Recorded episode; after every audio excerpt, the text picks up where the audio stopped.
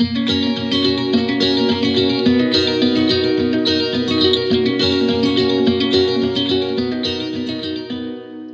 til Danske Bankers, podkasten for deg som vil vite hva som rører seg i markedet fra uke til uke. Mitt navn er Fredrik Ask Stensrud, og med meg som vanlig i studio så har jeg vår sjefstrateg Christian Lie. Velkommen, Christian. Tusen takk. Jeg, jeg kom til å tenke på at jeg, jeg stiller deg jo alltid spørsmålet hva er de viktigste tallene for neste uke, eller hva er det viktigste som skjer, og da, da ramser du ofte opp en del makrotall som kommer, men så har vi ikke vært like flinke til å gjenbesøke de tallene som har kommet, og hva de faktisk ble. Så nå tenkte jeg at fra nå av så kan vi begynne med det hver podkast. At vi gjennomgår de viktigste tallene for uka som gikk. Så eh, kan du da oppsummere hva var de viktigste tallene, og hvordan gikk det? Veldig god idé.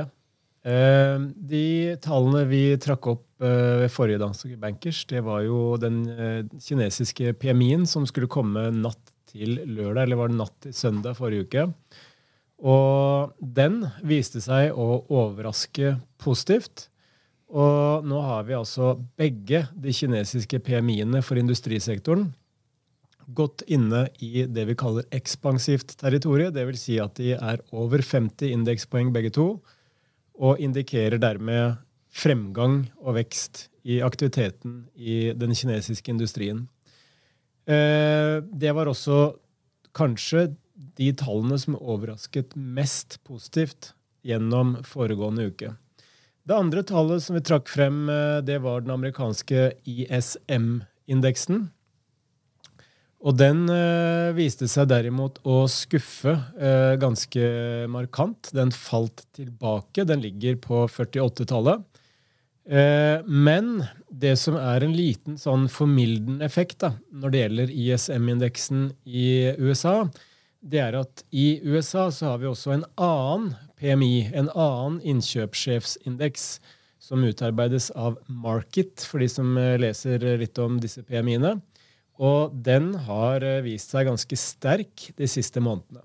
Så vi eh, ser ikke med veldig stor bekymring på denne svake ISM-en, fordi både den andre PMI-en har steget, og en del av de andre regionale innkjøpssjefsindeksene Eh, har også vist en, en, bedring. Så vi tror at ISM-en rett og slett viser et litt for svakt eh, bilde i øyeblikket.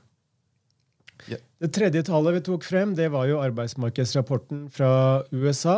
Og den uh, kom jo nå om uh, drøye 1 time og 50 minutter, så det er litt tidlig å, snakke om akkurat her og nå. Men det forventes 180 000 nye jobber i den amerikanske økonomien utenfor jordbruket. Og ja, Det er jo litt for tidlig å spekulere om, om det kommer til å skje eller ikke, men uansett så ser vi eh, fortsatt potensial for bra jobbvekst i den amerikanske økonomien fremover. Hva, det, hva annet har skjedd eh, denne uken? her? Jo, Det har egentlig vært en veldig begivenhetsrik uh, uke med ganske mange PMI-tall både fra industrien og fra servicesektoren. Og for ikke å gjøre ting altfor kjedelig, så skal jeg prøve å oppsummere ganske kort. Og det er at det er bedringstegn i industrisektoren globalt. Uh, vi har nevnt Kina. også i Tyskland, eurosonen, så har PMI-tallene for industrisektoren begynt å stige. Dog fra veldig veldig svake nivåer. Og de er fortsatt ikke over 50. Og det betyr jo at det fortsatt er kall det tilbakegang i aktiviteten. Men det er mindre tilbakegang enn tidligere. Men du, Christian, kan jeg be deg om å bare løfte mikrofonen din litt opp. For hvis ikke du gjør det, så misforstår mikrofonen og av og til tror at du er noise. Så noise cancellingen tar faktisk og kutter deg litt. Da har vi forhåpentligvis ordna på det. Eh, de amerikanske tallene har vi nevnt. Eh, men hvis vi ser på PMI-tall fra servicesektoren, så fikk vi litt det samme bildet. Tegn til bedring, spesielt i Kina også marginalt bedre serviceaktivitet i eurosonen. Eh, men også i USA så har vi denne, da denne divergensen, som er et fint ord vi har på Hamar. Jeg vet ikke om det har kommet til resten av landet ennå. Nei, nei, nei. Eh, hvor Market sin PMI for servicesektoren viser ekspansjon. Eh, og det gjør for så vidt også ISM-indeksen for servicesektoren, men den også var litt på den skuffende siden. Så alt i alt så oppsummerer i hvert fall vi med at det er lyspunkter og stabiliseringstegn i disse PMI-ene, som tross alt har vist seg å være ganske gode eh, varsellamper på hvordan økonomien vil utvikle seg fremover. Men vi har vel ikke gått gjennom en uke uten noen nyheter fra klovnen i det hvite teltet? Nei, og før vi kommer dit, så vil jeg også bare nevne et par uh, skremmende tall som vi har kommentert bl.a. i E24 i dag. Og det er tall fra Tyskland, hvor den tyske industriproduksjonen falt ganske mye. Faktisk det største fallet målt år på år for tysk industriproduksjon siden finanskrisen. Og det har nå vært negativ vekst i tysk industriproduksjon tolv måneder på rad. Og Hvis vi også legger til at ordreinngangen inn til industrien er på den svake siden, så er det lite som tyder på, til tross for enkelte lyspunkter i PMI-ene, at tysk industri har klart å løfte seg ut av gjørma ennå. Det kan ta litt tid. Eh, hvis vi ser på dette med handelskonflikten og Trump, så må jeg som vanlig prøve å eh, begrense meg i forhold til uh, hva jeg snakker om. Det blir så lite underholdende når du begrenser deg. Kristian. Jo da, det kan du si. Men det har vært en veldig begivenhetsrik uke. Fordi her har det gått fra det ene til det andre, fra det positive til det negative, bare i løpet av timer og, og ikke minst dager. Men uh, Trump og administrasjonen har jo truet Kina med å heve tariffnivået på import fra Kina eh, 15.12. Så fremt man ikke kommer frem til en uh, handelsavtale, denne såkalt fase 1-avtalen. Uh, samtidig så har det også vært eh, signaler fra Trump om at forhandlingene går bra. Og Trump har i tillegg også under denne Nato-pressekonferansen sagt at for han så er det ikke så farlig med en handelsavtale nå. Han kan like godt vente til etter det amerikanske presidentvalget. Så her kommer det rett og slett signaler i hytt og pine. I tillegg så har jo Trump besluttet å gjeninnføre importtariffer på stål og aluminium fra Brasil og Argentina. Bl.a. fordi han mener at disse landene har drevet en devaluering av sine respektive valutaer for å få konkurransefordeler sammenlignet med amerikanske selskaper. Og det er jo, for å være forsiktig i mine uttalelser, nok et bevis på at uh, Trump uh, ikke alltid har kvalifiserte beslutninger. Uh, fordi at dette er jo to økonomier som har fått sine valutaer kraftig Eh, svekket pga. store økonomiske og til dels politiske eh, problemer. Og dette er land som til en viss grad har forsøkt å gjøre tiltak for å styrke sine respektive valutaer. Det kan jo hende at valutapolitikk er en av de få feltene der Trump ikke er Verdens Expert. beste. Ja. ja. det kan hende.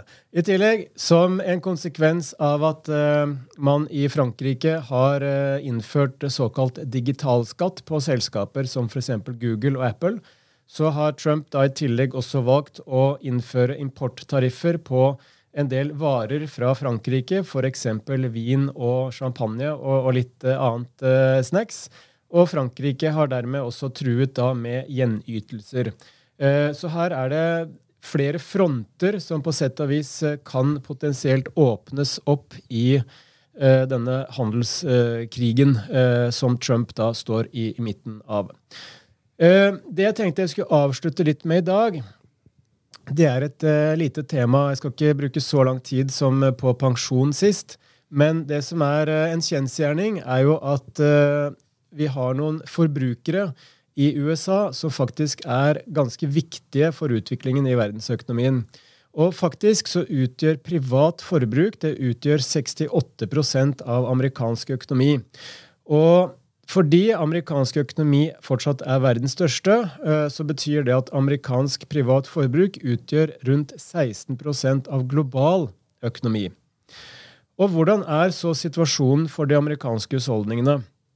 Og den er egentlig rimelig god. Fordi som vi har snakket om flere ganger, så er arbeidsledighetsraten på laveste nivå eh, siden slutten av 60-tallet. Eh, Men det er ikke bare det. Fordi vi ser også at hvis vi ser på disse forbrukerundersøkelsene, hvor man rett og slett spør eh, husholdningene hvilke intensjoner har dere om å bruke penger fremover på ulike eh, varer og tjenester, så ser vi at så lenge arbeidsledighetsraten er lav, så tenderer eh, optimismen og tilbøyeligheten til å bruke penger til å være høy. Og som en del av disse spørreundersøkelsene så blir nettopp målt denne tilbøyeligheten til forbruk. Og den er fortsatt på veldig, veldig høye nivåer, om lag på de høyeste nivåene eh, siden begynnelsen av 2000-tallet. Det andre som også er viktig for amerikanske husholdninger, det er jo hvor mye av inntekten sin bruker de på å betale renter og avdrag på ulike typer lån. Og før finanskrisen så vet vi at dette var et kjempeproblem. Både fordi rentenivået isolert sett var høyere, men også fordi husholdningene hadde mye mer gjeld. Etter finanskrisen så har amerikanske husholdninger bygget ned sin gjeldsgrad. Eh, lønnsveksten har vært bedre. Stadig flere har fått eh, en, en OK inntekt. Og hvis man da i tillegg legger til at rentenivået har falt, også på bl.a. boliglån, så ser vi nå at uh, renter og avdrag som andel av disponibel inntekt er på laveste nivå på mange tiår, faktisk. Noe av det vi følger med på som et tegn på at husholdningenes økonomi kanskje ikke er så sterk, det er jo de såkalte misligholdsratene. Det vil si hvor mye eh, problem, altså hvor store problemer har husholdningene med å betjene gjelden sin til ulike banker, altså ulike typer banklån. Og selv om det har vært en liten økning i denne misligholdsraten siden 2015, så ligger den fortsatt i underkant av 3% og da sammenfatter vi alle typer kategorier banklån. Og det er f.eks. langt lavere enn det vi så eh, før eh, finanskrisen. Eh, så alt i alt så tyder ting på at amerikanske husholdninger har det ganske bra. Vi tror amerikansk økonomi kommer til å vokse fortsatt, selv på en litt lavere eh, vekstrate enn tidligere. Og at arbeidsledighetsraten kommer til å fortsette å falle.